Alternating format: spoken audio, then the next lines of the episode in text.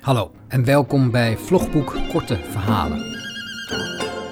Een podcast gericht op de opvallende, bekende of gewoon mooie korte verhalen uit de Nederlandse literatuur. Bij elk verhaal horen twee podcastafleveringen. Eentje waarin het verhaal wordt voorgelezen en in de andere zal ik het kort bespreken. Zo kun je zelf kiezen of je eerst het verhaal wilt horen of dat je liever gewezen wordt op zaken waar je op zou kunnen letten. In deze eerste dubbelaflevering staat de binocle van Louis Couperus centraal. Couperus is natuurlijk een grote naam uit de literatuurgeschiedenis eind 19e, begin 20e eeuw. Deels opgegroeid in Nederlands-Indië, deels in Den Haag en later zou hij veel lange reizen maken.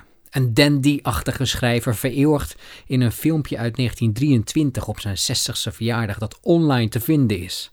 Hij is getrouwd met zijn nichtje en vermoedelijk als dekmantel voor zijn homoseksuele geaardheid en uitspattingen.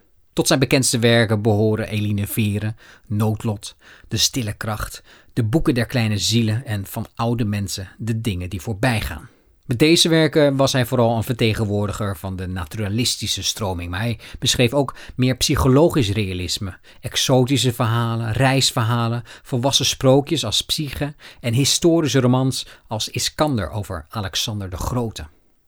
En in al deze werken is het noodlot bijna altijd aanwezig in een sombere variant, wat een soort pleonasme is, een somber noodlot. Het gaat over de zinloosheid van de menselijke wil en het streven van een individu.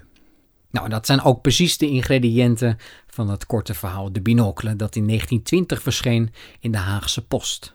Het is een klassiek geworden verhaal en het is misschien wel een van de beste korte verhalen die we binnen onze Nederlandse literatuur hebben. Het gaat over een jonge Indo-Nederlander die de opera in Dresden bezoekt. Even daarvoor een binocle een toneelkijker koopt en tijdens de uitvoering van de Walkure van Richard Wagner overvallen wordt door de neiging om de binocle vanaf een balkon de zaal in te gooien op een kaal hoofd van iemand uit het publiek. Het is een sfeervol verhaal met wat humor waarbij Couperus je meetrekt in het gevoel van onheil en ook speelt met de spanning. Mocht je het verhaal nog moeten gaan luisteren, zal ik uiteraard niets verklappen over de afloop. Maar het is denk ik wel aardig om op een aantal elementen te letten. Zo wordt de hoofdpersoon in de lange eerste zin beschreven als een fijne jongen, enigszins nerveus aangelegd. Binnen de stroming van het naturalisme was nervositeit een signaal voor de lezer. Die wist dan vaak al wel genoeg. Dit is iemand die zichzelf lastig in de hand kan houden. In de meeste naturalistische romans uit de 19e eeuw zijn de hoofdpersonen nerveuze vrouwen die aan het einde van het verhaal vaak ook zelfmoord plegen. Het is dan ook niet verrassend dat Couperus het verhaal heeft gevuld met aankondigingen van het noodlot. De onheilspellende climax wordt onder andere begeleid door een vogelmotief. Vogels komen veelvuldig voor. Zo is er de onbehagelijke vogeltronie van de opticien bij wie hij de toneelkijker koopt. Maar later fladdert er ook wat en is er een duivengrijze dame. En in zijn positie in het operagebouw heeft de hoofdpersoon een vogelperspectief. De vogel is hier duidelijk het teken van onheil. Maar het noodlot zit hem ook in de opera die de jongeman bezoekt. De Walkure van Richard Wagner, onderdeel van de Ring des Nibelungen, met melodieën die Star Wars fans wel zullen moeten herkennen.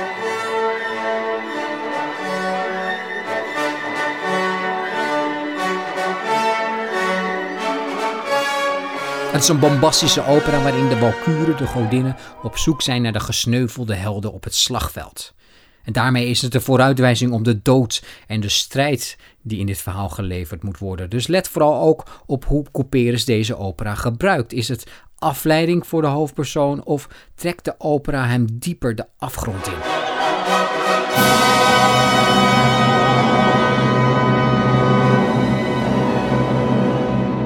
Slot, je kunt bij het lezen of luisteren van dit verhaal het gevoel hebben dat het noodlot er wel heel erg dik op ligt. Vooral het kopen van een kaartje wanneer de jongeman de opera voor de tweede keer wil bezoeken is wel heel erg opzichtig. Het is eerst uitverkocht en even later al niet meer. Hier is duidelijk geen sprake van toeval. Toch heeft Couperus nog wel een verrassing, of eigenlijk twee, achter de hand voor de oplettende lezer. Zo is het slachtoffer verrassend, maar ook de dader staat niet vast. Want in de laatste twee zinnen, wanneer het noodlot toeslaat, verschuift het perspectief en wordt de focalisatie niet meer bij de jonge Indo-Nederlander gelegd, maar de beschrijving lijkt te komen van iemand anders uit het publiek of desnoods van een verteller met geheugenverlies. Let daarbij ook op op het gebruik van tweemaal het woordje of, waarmee hetgeen dat beschreven wordt een aanname wordt en geen bevestigde ervaring van de hoofdpersoon. En luister dan nog eens goed naar de laatste twee zinnen en vraag jezelf af hoe zeker je weet wie de binocle op het laatste moment in handen heeft gehad.